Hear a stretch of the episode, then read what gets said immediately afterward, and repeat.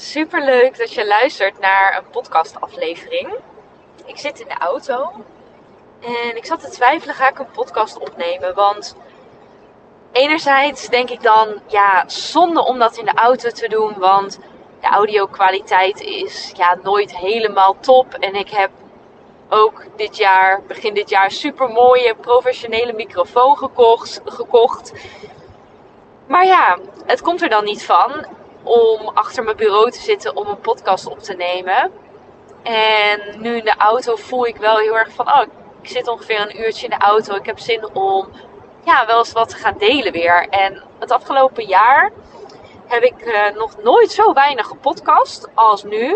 Ik heb in totaal drie afleveringen online gezet. En we zitten al in, uh, in uh, bijna mei, dus vier maanden.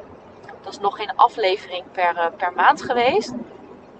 En ja, ik weet ook niet zo heel goed waarom dat per se is. Um, waarom, ik, uh, waarom ik minder prioriteit geef aan de podcast.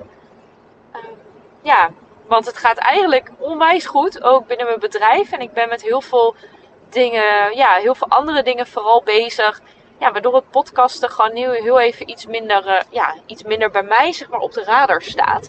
Maar tegelijkertijd vind ik het ook heel, ja, een hele toffe manier om ja, je echt mee te nemen ook in mijn leven. En uh, ja, wat er speelt en uh, waar ik me ontwikkel en wat ik doe.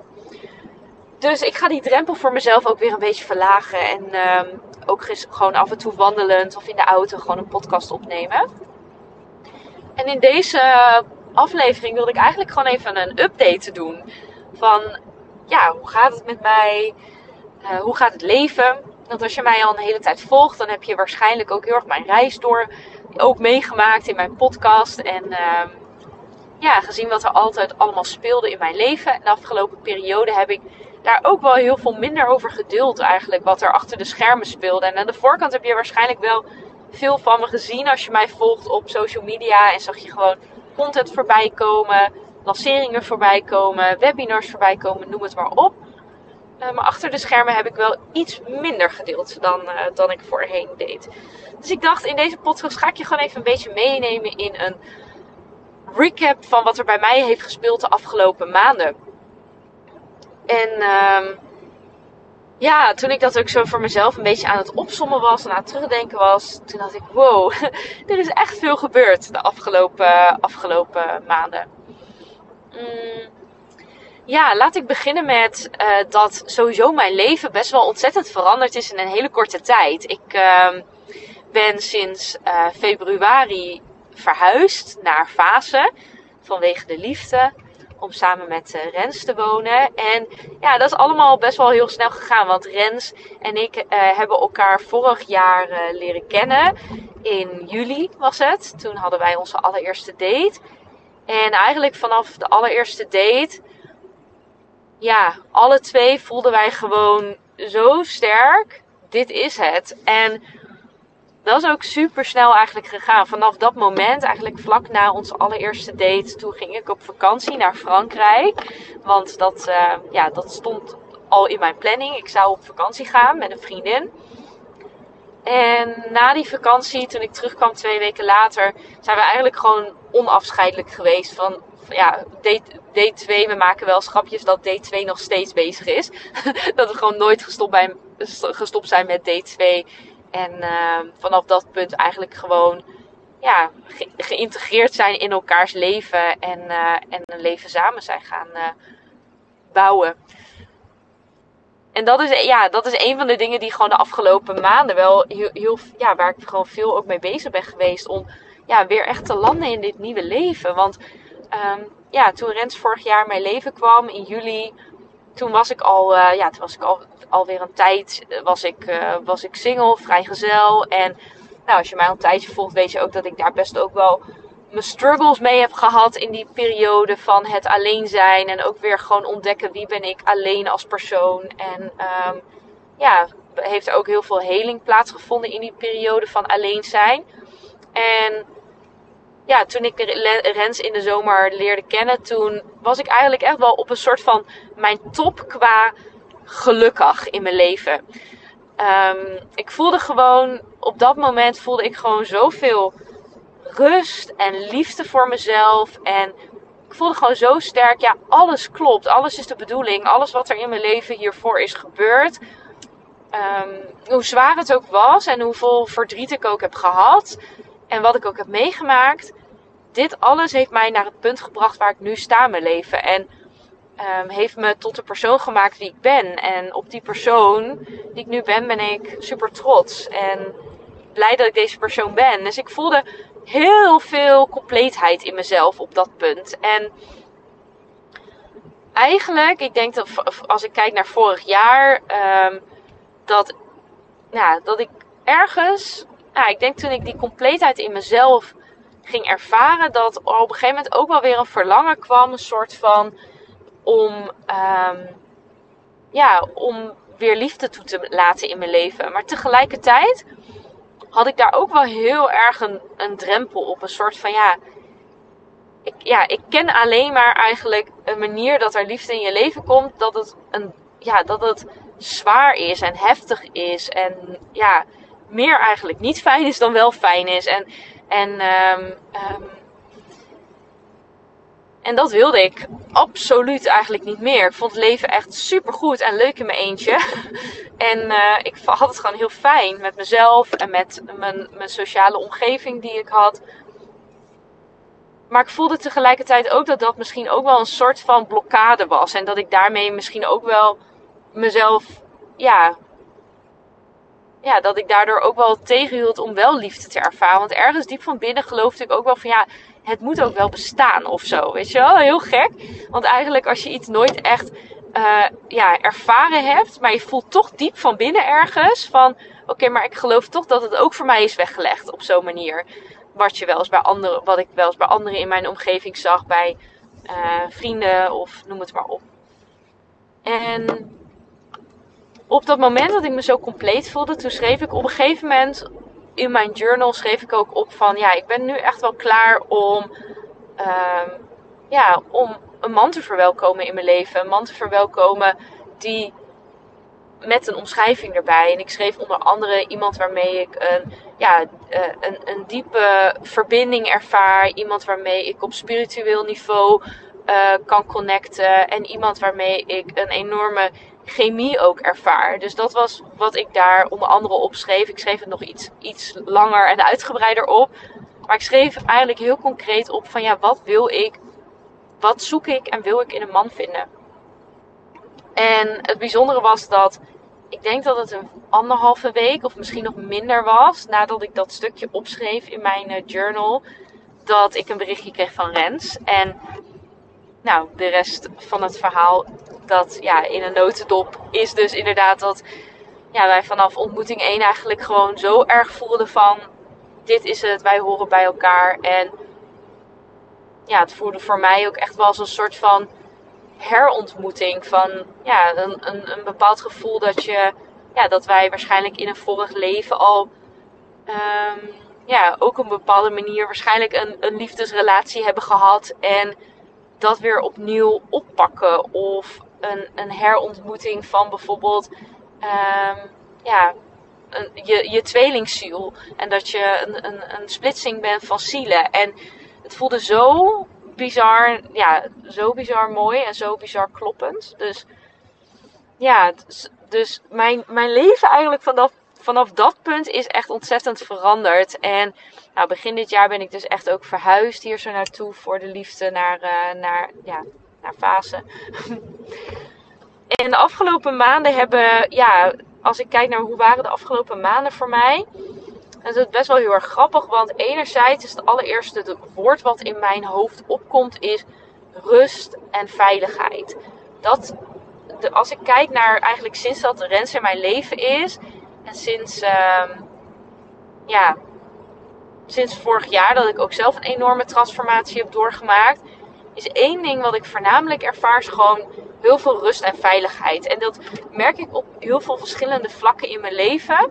Merk ik dat. Ik merk dat in, uh, in mijn bedrijf, dat er heel veel rust is en heel veel stabiliteit is. En um, ja, het is, het is eigenlijk nog nooit zo rustig en, en, en stabiel geweest. Weet je, ik ben nu ook wel, ik ga dit jaar mijn vijfde jaar, als het goed is, ja, mijn vijfde jaar als ondernemer in. Dus, um, of mijn zesde jaar. Hoe zeg je dat? Ja, mijn zesde jaar geloof ik. Ja, zesde jaar.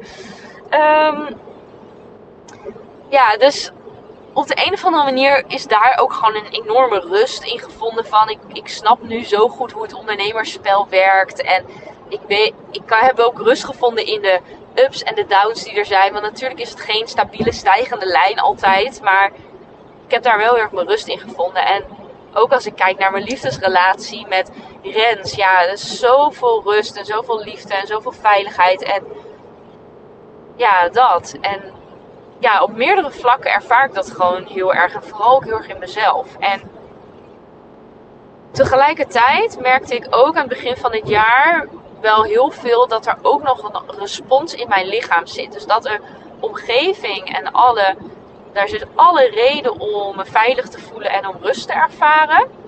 Maar tegelijkertijd merkte ik dat mijn lichaam dat soms niet zo ervaarde. En dat mijn lichaam soms nog heel erg in een soort van opperstaat van alertheid was. Van oké, shit. Het kan ieder moment mislopen. Het kan ieder moment weer zwaar worden. Het kan ieder moment. Uh, ja, ieder moment uh, kan het mislopen of zo, het leven. En dat was eigenlijk wel heel erg ook een kernovertuiging van mij. Van oké, mijn leven is zwaar. En terwijl er nul reden was om daar nog in te geloven en daar nog in te zijn, merkte ik wel dat mijn lichaam constant in die overlevingsmodus bleef zitten. Van uh, ja, gewoon op, op haar hoede dat er ieder moment weer wat kan gebeuren. En dat, ja, dat resulteert zich in bepaalde stress in je lichaam, bepaalde responses vanuit, vanuit trauma. Ja, en een van de dingen die ik uh, afgelopen maanden heb gedaan en wat wel voor mij heel erg, uh, ja, heel erg veel heeft veranderd eigenlijk, dat is uh, een sessie die ik heb gedaan, een BRTT-sessie, een Body Remembers Traumatherapie sessie. En ja, dat kwam eigenlijk zo op mijn pad, omdat dat onder andere Rens zijn werk ook is. Hij werkt ook als traumatherapeut. En ik zag natuurlijk wel vaker en ik hoorde van hem ook wel vaker gewoon super mooie verhalen en ervaringen erover. En ook zijn eigen ervaring uh, van het ondergaan van dit werk. En ik wilde eigenlijk, ik voelde eigenlijk heel sterk van oké, ik mag hier misschien ook wel wat mee doen. En ik vond het wel, nou, we hebben toen wel ook samen over gehad van ga jij me dan zo'n sessie geven? Toen hebben we uiteindelijk toch samen besloten van nee, laten we dat niet doen. Uh, dat is misschien niet uh, het fijnste om te doen. Om iemand, ja, als, om, om elkaar als partner in dat soort deep inner work te begeleiden. Dus toen heb ik bij uh, Sanne een sessie gedaan. Een Body Remembers Traumatherapie sessie. En dat is een, ja, dat is een, een, een, een therapie sessie die volledig lichaamsgericht is eigenlijk.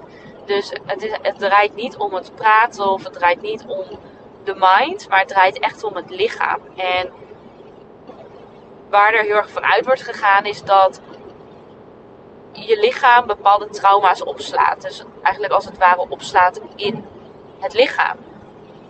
En dat je misschien soms bijvoorbeeld met je hoofd al heel goed dingen begrijpt. Weet je wel, goed begrijpt. Het is niet nodig om nu deze reactie te geven. Of het is niet nodig om nu dit fysiek te ervaren. Of het is niet nodig om deze angst te hebben. Net als in mijn geval, het is niet nodig om bang te zijn dat op ieder moment dingen fout gaan. Dat is niet nodig. Weet je wel, mijn hoofd begreep dat wel, maar mijn lichaam niet. Mijn lichaam was nog best wel vaak gewoon in die, ja, in die alertstand. En in die sessie ga je dus bepaalde lichaamsgerichte oefeningen doen. Waardoor je, ja, waardoor je dat trauma wat opgeslagen zit in je lichaam los kan laten. Um, door, het, ja, door het opnieuw eigenlijk her te beleven of door het opnieuw, ja, opnieuw eigenlijk naar de oppervlakte te brengen en echt letterlijk los te laten. En, en het af te maken, zoals ze het ook wel heel mooi noemen. En ja, die sessie was voor mij gewoon echt, ja, echt prachtig mooi. Um, ook wel heel zwaar, maar ook heel mooi. En ik ging naar die sessie toe en ik weet dat ik me heel donker voelde die dag, heel zwaar voelde. ik zat eigenlijk heel erg in die oude pijn van het leven is zwaar. En ik ging naar die sessie toe en ik kwam terug van die sessie. En ja, het was eigenlijk niet normaal. Red zei ook van je ziet er gewoon zo anders uit. Weet je mijn ogen stonden anders. Ik voelde me anders. Het was zo'n turning point. En een van de dingen wat, er, ja, wat, wat, de sessie mij heel erg heeft gebracht, waren eigenlijk, nou, eigenlijk twee dingen wat, mij, wat die sessie mij heel erg heeft gebracht. Was één ding. Ik zag de hele tijd in de sessie, tijdens, de, tijdens die oefeningen die ik aan het doen was, zag ik de hele tijd bepaalde uh, visueel beeld vormen. Van, uh, ik had het gevoel dat ik op een soort van, in een wei was, een, een, een, landschap was. En dat er ergens op het landschap was er de hele tijd een hele donkere schaduw, een donkere schim, iets. En tijdens die sessie weet ik nog ook dat uh, Sanne ook een paar keer zei: Oké, ga er maar naartoe. Uh, ga maar voelen, wat is het? Ga maar kijken wat het is.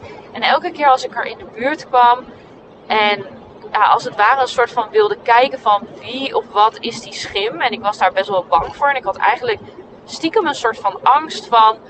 Oké, dadelijk draait die schim zich om en dan, ja, dan is het bijvoorbeeld uh, uh, ja, mijn, mijn, mijn ex.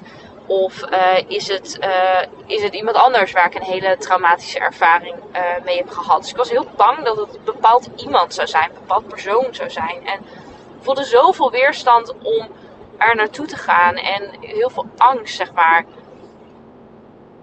En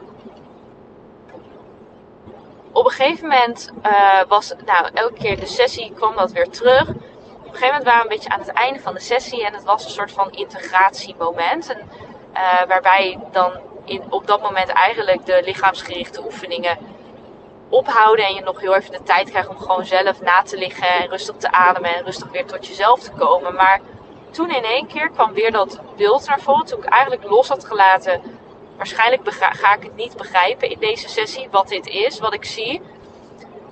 Um, maar ik vertrouwde wel ook wel ergens van ja, het zal wel alsnog misschien dat ik een bepaalde angst of zo heb gereleased of noem het maar op. Maar ik had zoiets, ik heb het losgelaten. Ik zal wel in deze sessie gewoon niet meer erachter komen wat dat is, wat die schim is en waar ik nou, waar ik nou zo doodsbang voor ben. Want dat was het vooral. Ik voelde gewoon zoveel angst als ik in de buurt van die schaduw, in die schim kwam. En toen aan het einde, toen ik dus eigenlijk het had losgelaten, kwam het weer terug. En ging ik naar die, uh, opnieuw naar die schaduw toe. En in één keer integreerde ik met die schaduw. En ik voelde zo duidelijk een soort van de boodschap en het gevoel in me van die schaduw, dat is jouw kracht. Dat is een soort van deel van jou, wat je kwijt bent geraakt. Wat je een soort van ja, identiteit of een deel van jou, een soort deel van je ziel, wat je kwijt bent geraakt. En waar je, ja, wat ik weer terugkreeg in die sessie. Wat een soort van klik was van bam. Ik in één keer integreerde het. En ik voelde angst, maar tegelijkertijd voelde ik in één keer een onwijze expansie of zo in kracht en in, in hoe ik me voelde. En het voelde echt alsof ik weer iets terug had gevonden wat ik heel lang kwijt was, was geweest. En waar ik heel lang misschien ook wel een beetje bang voor ben geweest. Weet je, angst voor je eigen kracht.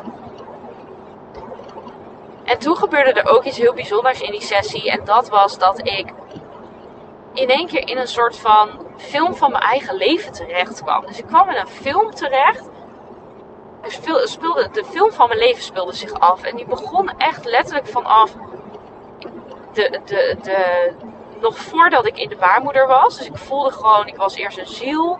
kwam ik in de baarmoeder, dat zag ik, voelde ik. En toen kwam ik, uh, kwam ik zo langzaam door mijn jeugd heen. Baby, kleuter, peuter, puberteit. En ik zag allemaal dingen voorbij komen. Maar het bijzondere was, waren best wel allemaal traumatische dingen die er voorbij kwamen. Veel dingen. Zeker uit mijn, uh, uit mijn wat jongere jaren. Dingen waar ik ja, eigenlijk bang voor was van oké, als ik zo'n sessie ga doen en ik ga die dingen weer zien of ik ga die dingen weer herbeleven, daar had ik heel erg een angst op. En die kwamen voorbij. Maar het voelde, in, het voelde zoveel anders dan alle andere keren dat het ooit een keer voorbij kwam. En het voelde echt als, alsof ja, alsof het niet meer over mij ging. Alsof ik een soort van mijn kracht weer terug had. En dat ik uit al die delen een soort van. Het voelde echt als een integratie van: oké, dat waren de momenten dat ik mijn kracht verloren heb. Maar nu heb ik het weer terug. En het bijzondere was dat ik op een gegeven moment op het punt kwam van letterlijk de, de dag van die sessie. Dus ik reisde zo door mijn hele leven heen. En ik kwam op de dag van de sessie. En ik kwam bij de sessie terecht. Dus in mijn, ja, in die visualisatie of ja, trance, kan het bijna eerder noemen, trance. En toen in één keer ging ik door naar de toekomst. En kreeg ik daar hele heldere beelden over. Over de toekomst. En ik zag allerlei dingen voor me van hoe de toekomst eruit zag. Wat er in de toekomst ging gebeuren. En dat was voor mij een heel bijzonder moment. Omdat ik me op dat moment realiseerde dat ik dat al misschien wel tien jaar niet kon. Tien jaar lang kon ik niet echt helder zien en voelen in visualisaties hoe mijn toekomst zou zijn. Ik durfde daar denk ik gewoon letterlijk niet in te dromen of naar te kijken of over of dat toe te laten, dat beeld. En in één keer zag ik het voor me en ja, dat was echt wel ontzettend bijzonder om dat te ervaren. En een van de dingen die, ja, die, de, die de sessie sowieso mij ook heeft gebracht, is dat ik. Wij waren toen al op dat punt, waren Rens en ik al een beetje bezig met een eigen locatie. Maar daar hadden we nog niet een keuze over gemaakt. Maar we waren daar achter de schermen wel over in gesprek, over een eigen locatie. Om, ja, om die om te gaan bouwen, een schuur, naar echt een ja, trainingslocatie, een spiritueel centrum om sessies te hosten, maar ook om mijn live dagen en trainingen te organiseren. En eigenlijk voelde ik elke keer super veel weerstand als wij daarmee bezig waren. En was ik eigenlijk iedere keer degene die in het proces een soort van op de rem trapte, uh, tegensputterde, uh, moeilijk aan het doen was. En Rens ja, zag het eigenlijk helemaal voor zich van hoe die locatie zou zijn en wat het voor ons zou betekenen en hoe mooi het eruit zou zien en noem het maar op. En elke keer als wij daarmee bezig waren, dus voor die sessie, dacht ik alleen maar in.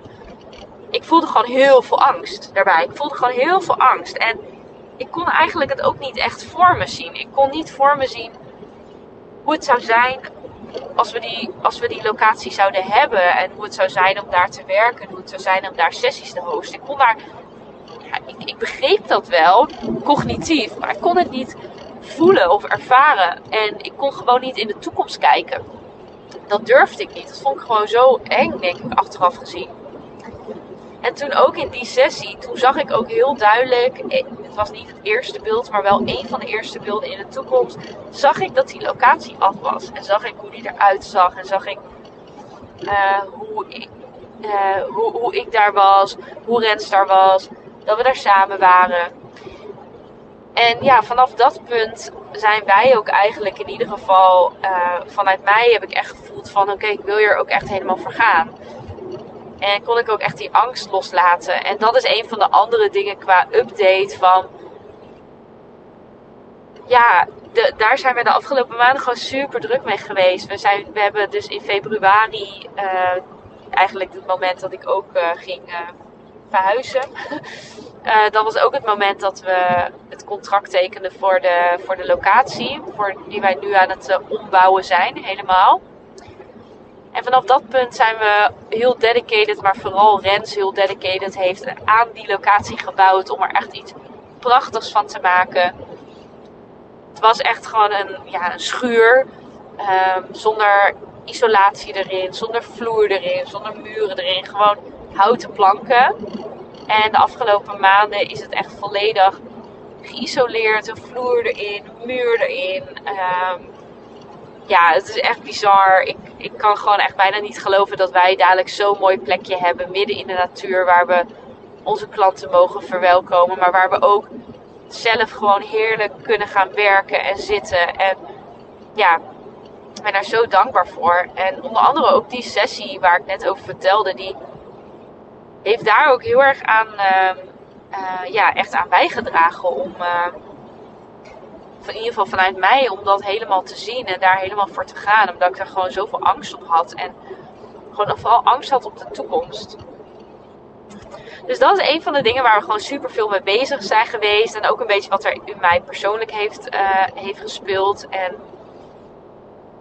verder ja, ga ik zelf ook door best wel, een, uh, best wel een proces lichamelijk, fysiek. Ik heb namelijk een, uh, op dit moment een dubbele hernia. En daar heb ik sinds vorig jaar ik denk september, maar misschien al wat eerder. Maar ik denk september dat ik er echt last van kreeg. Heb ik daar wel last van. Dus inmiddels al ruim, nou langer dan een half jaar. En dat, ja, dat uit zich in enorme zenuwpijn in mijn linkerbeen. Dus uh, ik heb ook heel lang eigenlijk niet eens in de hoek van een hernia gedacht. Omdat ik geen last had van mijn rug of zo. Ik had geen rugpijn. Nog steeds heb ik niet heel veel rugpijn. Maar vooral heel veel zenuwpijn in mijn been. En dat is ook wel gewoon een heel, ja, een heel proces wat daar op de achtergrond speelt. En waar ik doorheen ga. En waar ik ook heel erg bewust eigenlijk mee bezig ben om te kijken van hey, welke, uh, welke boodschap heeft, heeft dit voor mij. Uh, ik geloof heel erg in dat ook fysieke dingen. Uh, zoals ziektes of, blessures of dit soort aandoeningen. Ook dieperliggende boodschappers zijn van bepaalde dingen. En dat, je, dat, ja, dat het een uitnodiging is om daar naar te kijken. En nou, dat is ook zeker iets waar ik de afgelopen maanden veel mee bezig ben geweest. Met allerlei ja, verschillende alternatieve hoeken. En, um, ja, en daar heb ik langzamerhand wel mijn weg in gevonden. Wat, wat in een mix van het medische en, het, uh, ja, en echt het spirituele, die verdieping daarin in zoeken. En nu gaat het er waarschijnlijk wel zo uitzien dat het waarschijnlijk um, wel geopereerd moet gaan worden. Het is nog niet echt duidelijk wanneer, maar waarschijnlijk, uh, waarschijnlijk moet het wel geopereerd gaan worden. Maar tegelijkertijd ben ik ook wel heel erg dieper ge erin gedoken en heb ik ook echt ontdekt van ja, hoe komt het nou dat ik die hernia heb? En ben ik ook aan, eraan, verder aan gaan werken aan mezelf om ook te voorkomen dat ik in de toekomst opnieuw bijvoorbeeld op die manier de signalen van mijn lichaam krijg. Want ja, ik kan het natuurlijk laten opereren. Maar op het moment dat je natuurlijk niet de oorzaak uh, oplost en niet de, ja, niet de, wortels, zeg maar, als het ware eruit trekt. Ja, dan denk ik dat dat niet zo heel veel zin heeft. Dus dat is ook iets wat er bij mij op de achtergrond um, ja, veel ruimte heeft, uh, heeft uh, ingenomen. Ja, voor de rest in mijn bedrijf dat is ook wel leuk. Want het is meer ook een beetje een, levens, uh, een, levensupdate. Met allerlei dingen die er, die er hebben gespeeld en die er spelen. En ik geloof ook heel erg dat die dingen ook door elkaar heen lopen. En ook effect hebben op elkaar. Weet je wel, mijn, ik zie eigenlijk altijd binnen mijn leven dat op het moment dat ik door persoonlijke ontwikkelingen heen ga. En daar ja, echt aan mezelf werk om weer in een nieuwe nou, nieuwe versie van mezelf wil ik het niet per se noemen, maar in ieder geval in een versie van mezelf te stappen die nog dieper ligt bij mijn authentieke kern. Op het moment dat ik daar weer doorheen ga, merk ik vaak ook dat dat ook weer me een stapje verder brengt eigenlijk in mijn bedrijf. En dat het ook daar het vaak makkelijker maakt om weer naar het volgende level toe te groeien. En dat volgende level hoeft natuurlijk niet altijd per se te gaan over omzet, maar soms ook over een bepaalde verdieping in je werk of een manier van werken. En ja, qua bedrijf gaat het eigenlijk gewoon heel goed. Wat ik al zei, er is heel veel rust en heel veel stabiliteit in, in omzet, in klantenstroom, in team, in bedrijfsvoering. En door die rust en die stabiliteit, eigenlijk op alle vlakken, merk ik ook dat dit misschien ook wel juist het moment is waar, waarin ik aan die laatste stukjes of zo. Ik merk gewoon, er zijn er gewoon. Ik heb heel veel inner work gedaan, maar er zijn er een soort van kleine dingetjes waar ik wat mee mag. En daar is, die komen nu naar de oppervlakte voor mijn gevoel, zodat ik er ook nu echt iets mee mag doen. Nu er rust en er ruimte voor is. Dus ja, qua bedrijf gaat het eigenlijk gewoon heel erg goed. En misschien is het leuk om een beetje te delen van waar heel erg mijn focus op ligt. Het zijn eigenlijk ja, twee soort van ontwikkelingen. Eentje is, ik ben me heel erg gefocust vanaf het begin van dit jaar op een automatische verkoopstrategie door middel van webinars. En ik heb dit al eerder ook toegepast in mijn bedrijf, maar toen ben ik toch weer overgestapt op wat meer lanceringsstrategieën en uh, challenges vorig jaar. Dus, dus, dus echt met conversie-events werken, zoals bijvoorbeeld dus een challenge of een kleinere cursus. En ik voelde eigenlijk van oké, dit jaar van ik wil eigenlijk weer terug naar die webinarstrategie. Want dat geeft zoveel rust. Het is heel overzichtelijk om het op te schalen, vind ik. En um, ik heb het gevoel dat ik er gewoon ook veel meer impact mee kan maken. Ook met een webinar. Mijn webinar vind ik echt super goed en echt super waardevol. En het geeft ook gewoon heel veel voldoening dat ik alleen al met het webinar, kijk, een klein percentage van de mensen die een webinar volgt, die stapt uiteindelijk in jouw programma. En daar doe je het natuurlijk ook voor. En daarom kun je ook heel veel mensen gratis helpen met bijvoorbeeld zo'n webinar. Dat vind ik ook gewoon heel mooi. En deze vorm van marketing van. En natuurlijk levert het mij geld op. Dat is ook een belangrijke. Het is echt een, een, slim, ja, een, een slimme strategie. Maar tegelijkertijd helpt het mij ook heel erg om veel meer mijn, mijn missie een soort van naar buiten te brengen. En met veel meer mensen te delen. Ook mensen die nog niet kunnen investeren of nog niet willen investeren of daar nog niet klaar voor zijn. Dus ja, die webinarstrategie gaat op het moment eigenlijk heel goed. Ik ben daar een beetje februari, januari heb ik niet zo heel veel gedaan. Want ik ben heel erg gefocust op het verhuizen eerst en, en echt eventjes landen. En in februari ben ik eigenlijk langzaam begonnen met eerst een webinar schrijven. Achter de schermen alles ervoor opzetten. En uiteindelijk ben ik eind februari, begin maart, ben ik begonnen met, met webinars geven. Dus nu ongeveer uh, ja, iets meer dan 2,5 maand. Bijna drie maanden doe ik het nu. Want we zitten uh, ja, februari, maart, april. Ja, dus bijna drie maanden ben ik nu uh, webinars aan het geven. Nou, het resultaat van die drie maanden is, ja, ik denk ongeveer ja, ik weet niet zo heel goed de omzetcijfers, maar ik weet wel mijn winstcijfers op de webinars. Want dat vind ik altijd interessanter, omdat je, uh, omdat je natuurlijk ook best wel veel advertentiekosten ervoor uh, moet maken om webinars te draaien. Maar mijn winst is iedere maand tot nu toe ongeveer 10.000 euro geweest. En ja, dat gaat echt eigenlijk super goed qua. Ja, dat is eigenlijk nog maar het begin. Weet je wel, er is nog zoveel ruimte om dat meer op te schalen en groter te maken. Dus dat geeft ook weer ontzettend veel rust binnen mijn bedrijf om deze strategie een soort van in de basis te hebben.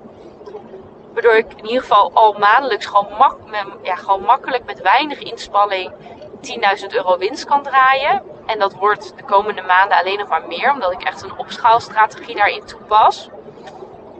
En daarnaast ja, kan ik gewoon ook heel veel dingen doen die ik gewoon echt onwijs leuk vind om te doen. En dat is toch ook wel weer ietsje meer één op één met mensen werken. Binnen mijn één op één coaching programma heb ik nog steeds wel heel erg een limiet van maximaal uh, ja, vijf mensen per half jaar. Dus daar doe ik echt maar heel select. En als, ik, als je één op één met mij werkt, dan, ja, dan zien we elkaar iedere twee weken. We hebben bijna dagelijks via WhatsApp hebben we contact of kan je vragen aan mij stellen ik kan met alles met je meekijken bij wat je ontwikkelt. Dus het is best wel een intensief traject wat we doen. Maar ik voelde ook dat er wel heel veel behoefte is van ondernemers om ja, meer met mij één op één te doen. Maar in die intensiteit, zeg maar, dat dat nog een stap te ver is. En daarvoor heb ik eigenlijk achter de schermen de afgelopen tijd super mooi nieuw aanbod ontwikkeld. Um, wat ik eerst de Exclusive Mastermind noemde. Maar sinds, uh, sinds deze week heb ik besloten om daar de naam Go Beyond Mastermind aan te geven. Dat dat toch kloppender voor mij voelt en ook staat voor ja, waar ik echt voor sta in die mastermind. En in die mastermind werk je echt een ja, jaar met mij samen. En een jaar word je onderdeel van mijn groep, mijn, uh, mijn tribe eigenlijk. En in die mastermind uh, heb je ieder kwartaal met mij echt een uitgebreide strategische sessie. Waarin je één op één met mij echt je plan maakt voor die maand. En echt kijkt wat heb ik nodig deze maand. Met mij ja, echt gewoon mijn brein kan gebruiken om strategieën te bedenken, om jou te laten coachen. Echt je strategische sparringspartner te laten zijn. Maar ook om je te laten coachen op de dingen waar je letterlijk in vastloopt, persoonlijk. En er zijn uh, ieder kwartaal is er een. Uh, dus ieder kwartaal heb je en met mij een sessie. Ieder kwartaal heb je met de groep een sessie. En dat is echt een live dag. En die live dag is echt een verdieping in ja, echt een, een ondernemersthema en een inner work sessie. Dus dat doen we in de ochtend altijd een ondernemersthema. En in de middag pakken we echt een inner work, uh, inner work sessie. om ook echt aan die, in die diepere, ja, die diepere lagen in jezelf te werken. En er is om de vier maanden is er ook echt een mastermind ochtend. Dus dat is echt een netwerkochtend. Uh, netwerk is het misschien niet helemaal, dat is misschien het juiste woord, maar echt een kwalitatief goede mastermind die ik faciliteer. Waarbij je echt met de deelnemers in mijn programma echt gaat masterminden over één specifiek vraagstuk wat je op dit moment binnen je bedrijf hebt. Of om markt, bijvoorbeeld als je marktonderzoek wil doen, is dat ook een super mooie plek om, ja, om echt mensen hun mening te vragen. En dat is zo waardevol, dat masterminden. Niet normaal. Nou, er zit er nog veel meer in dat programma, maar het is echt een super mooi programma geworden. Waar ik nu inmiddels al, ja, ik weet het even niet uit mijn hoofd, maar in ieder geval een hele hoop mooie ondernemers in heb mogen verwelkomen. Ehm, er zijn nog wel een paar plekjes, maar ik denk dat die de komende weken wel volkomen. Want ik heb laatst uh, twee live dagen gegeven. Um, was ook super leuk om te doen. Daar kon je los een kaartje verkopen. Dat waren de uh, Step into CEO Mode workshops. Waarmee ik, waarmee ik de deelnemers echt meenam een uh, middag lang met hoe je echt ja, level up gaat in het ondernemerschap. En het zijn van een goede ondernemer. En tijdens die dagen zijn er uh, ja, super veel aanvragen gekomen voor die, voor die mastermind. Dus ik denk dat die voor, tot, en met de, tot en met het najaar sowieso helemaal vol zit. Maar stuur mij gerust een DM als je deze podcast luistert en je denkt van oh, ik wil ook wel meer informatie over die mastermind. Dan uh, kunnen we altijd eens kijken van uh, wanneer er weer plek is. En kan, je, kan ik je op een interesselijst zetten en je benaderen zodra er plek is. Dus uh, stuur me gerust een berichtje. Dus ja, dat zijn de dingen achter de schermen die, ja, die, die je misschien aan de voorkant niet helemaal hebt gezien binnen mijn bedrijf. Maar die aan de achterkant wel, uh, ja, wel veel hebben ja, wel, wel veel betekenen binnen de ontwikkeling in mijn bedrijf. Ja, er is nog één update die ik uh, hier in, in deze podcast kwijt wil. Het is best wel een lange podcast geworden. En dat is um, een opleiding die ik binnenkort ga doen. Ik had eigenlijk niet verwacht dat ik dit jaar een, uh, nog een opleiding zou gaan doen. Ik had namelijk zelf niet echt het gevoel. Ik bepaal eigenlijk altijd wel het begin van ieder jaar voel ik ook wel altijd even in van oké, wat heb ik, uh, wat wil ik dit jaar doen? Wat heb ik nodig dit jaar? En ja, soms weet ik het gewoon heel duidelijk van ik wil me daarin ontwikkelen. Of ik wil heel specifiek een coach hiervoor of daarvoor. En dat had ik niet echt. Ik had dit jaar niet echt dat ik dacht van ik wil dat. Maar ik sta wel altijd natuurlijk gewoon heel erg open voor als er iets op mijn pad komt. En nou, er is gewoon best wel een hele wonderlijke manier is er iets op mijn pad gekomen. En daar ga ik nu een opleiding voor doen. En ik ga je even kort in meenemen hoe het is ontstaan. En wat ik dan ga doen, precies. ik, um, ik was in Londen um, in maart, geloof ik. Rens had daar een uh, pottenbak uh, workshop week, trainingsweek, opleidingsweek, of hoe je dat ook noemt. En ik was daar gewoon mee en ik ging lekker werken met mijn laptopje. En tijdens die week merkte ik dat ik best wel vaak, ja, echt behoorlijk soort van overprikkeld en sensitief was in de stad. En dat herken ik wel, want dat heb ik wel vaker. Dat ik gewoon, ja, dat ik me gewoon ontzettend overprikkeld voel door alle energie die er dan in een stad zit. Of soms ook op een plek is, weet je, als ik ergens binnenkom, dat ik gewoon voel van, oh, oké, er is hier een bepaalde energie. En de afgelopen, ja, eigenlijk de afgelopen maanden had ik al wel meerdere keren gehad. En dit is niet wat ik alleen de afgelopen maanden had, maar wat ik al vaker in mijn leven heb gehad.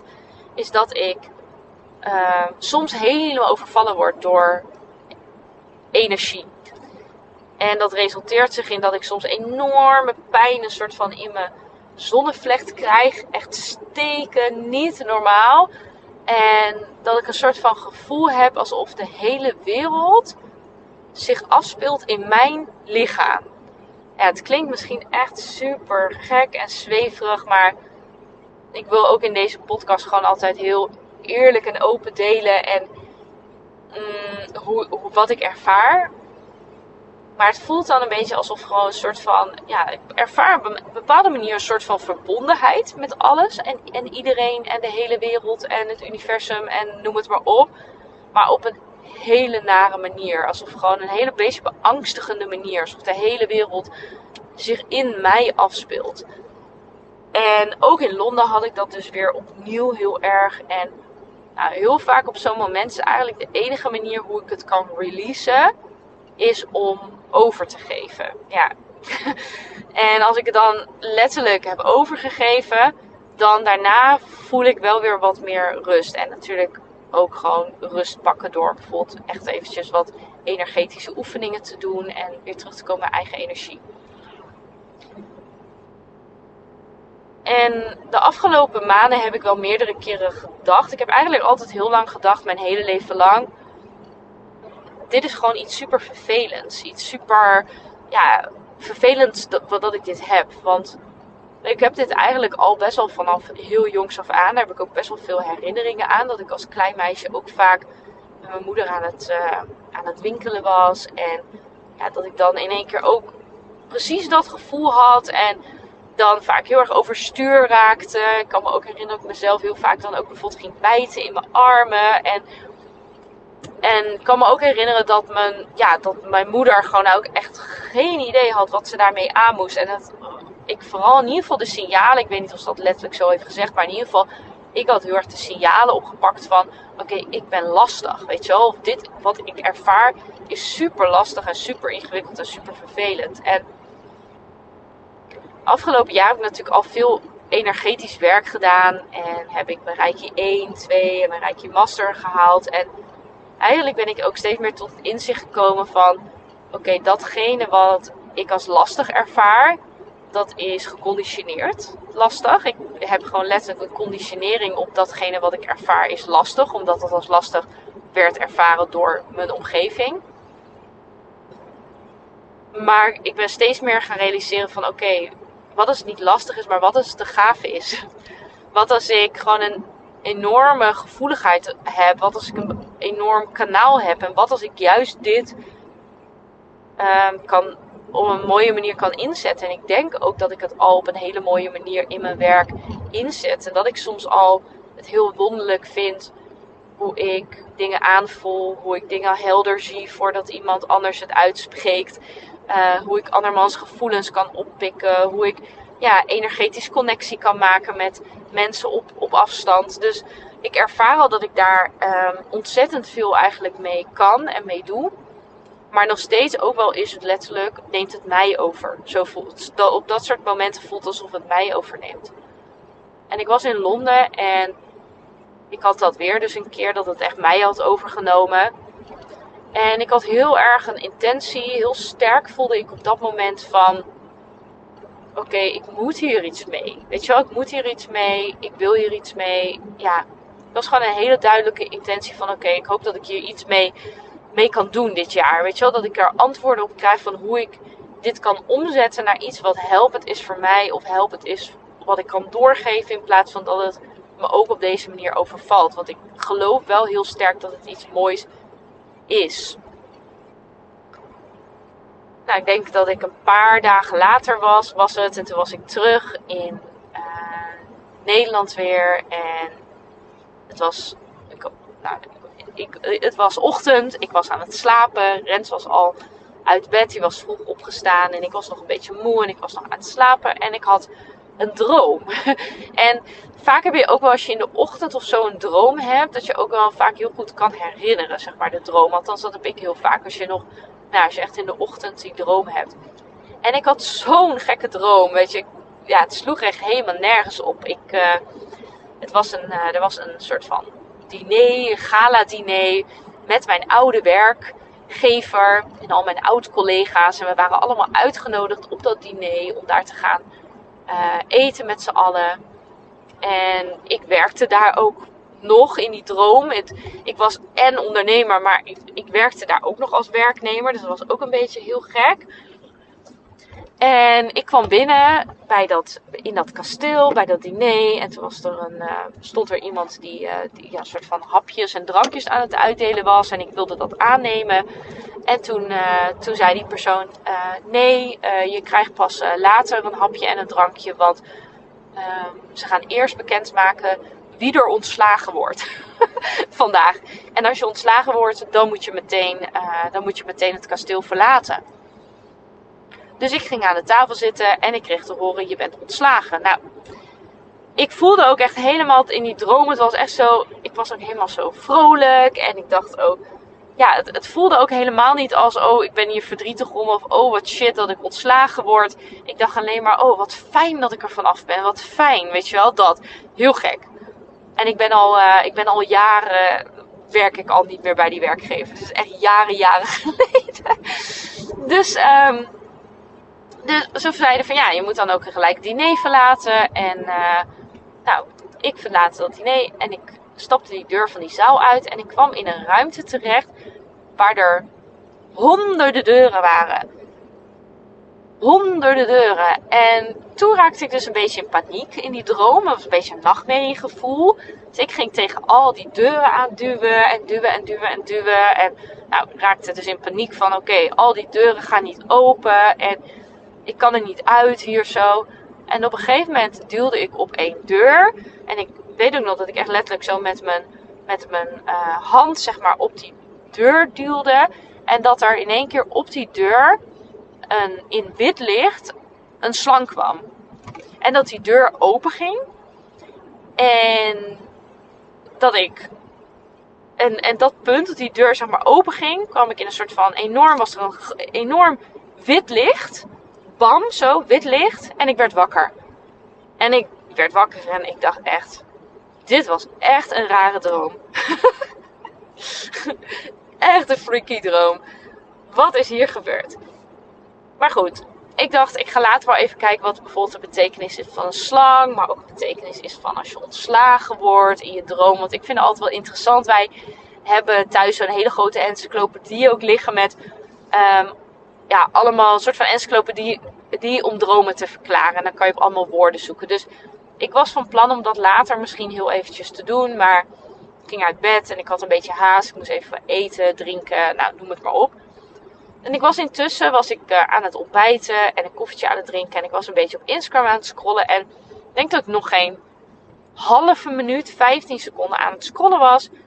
En ik zag precies die slang die ik in mijn droom zag op die deur. Precies die slang. Letterlijk die slang. Gewoon een kopie van, een kopie van wat er op die deur stond. En ik dacht, hè, dit is raar. Dus ik natuurlijk meteen die uh, tekst onder die post lezen. En toen was daar, was daar een post die ging over Kundalini. Kundalini-energie.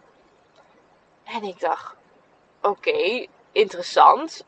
Oké, ik had wel meteen zoiets van dit is niet toevallig of zo. Ik voelde, het voelde wel echt meteen dat ik dacht: oké, dit is best wel bizar. Dus ik was aan het lezen. Ik dacht: wow, dit is echt super interessant. Ik moet hier later eventjes meer over lezen, meer in verdiepen. Ik had wel eens van Kundalini gehoord, maar ik had me er nooit echt in verdiept. Ik wist ook niet precies wat het was. Dus ja, ik was in ieder geval wel heel erg getriggerd dat ik dacht: oh, wat super interessant is dit. En toen scrollde ik ietsje verder.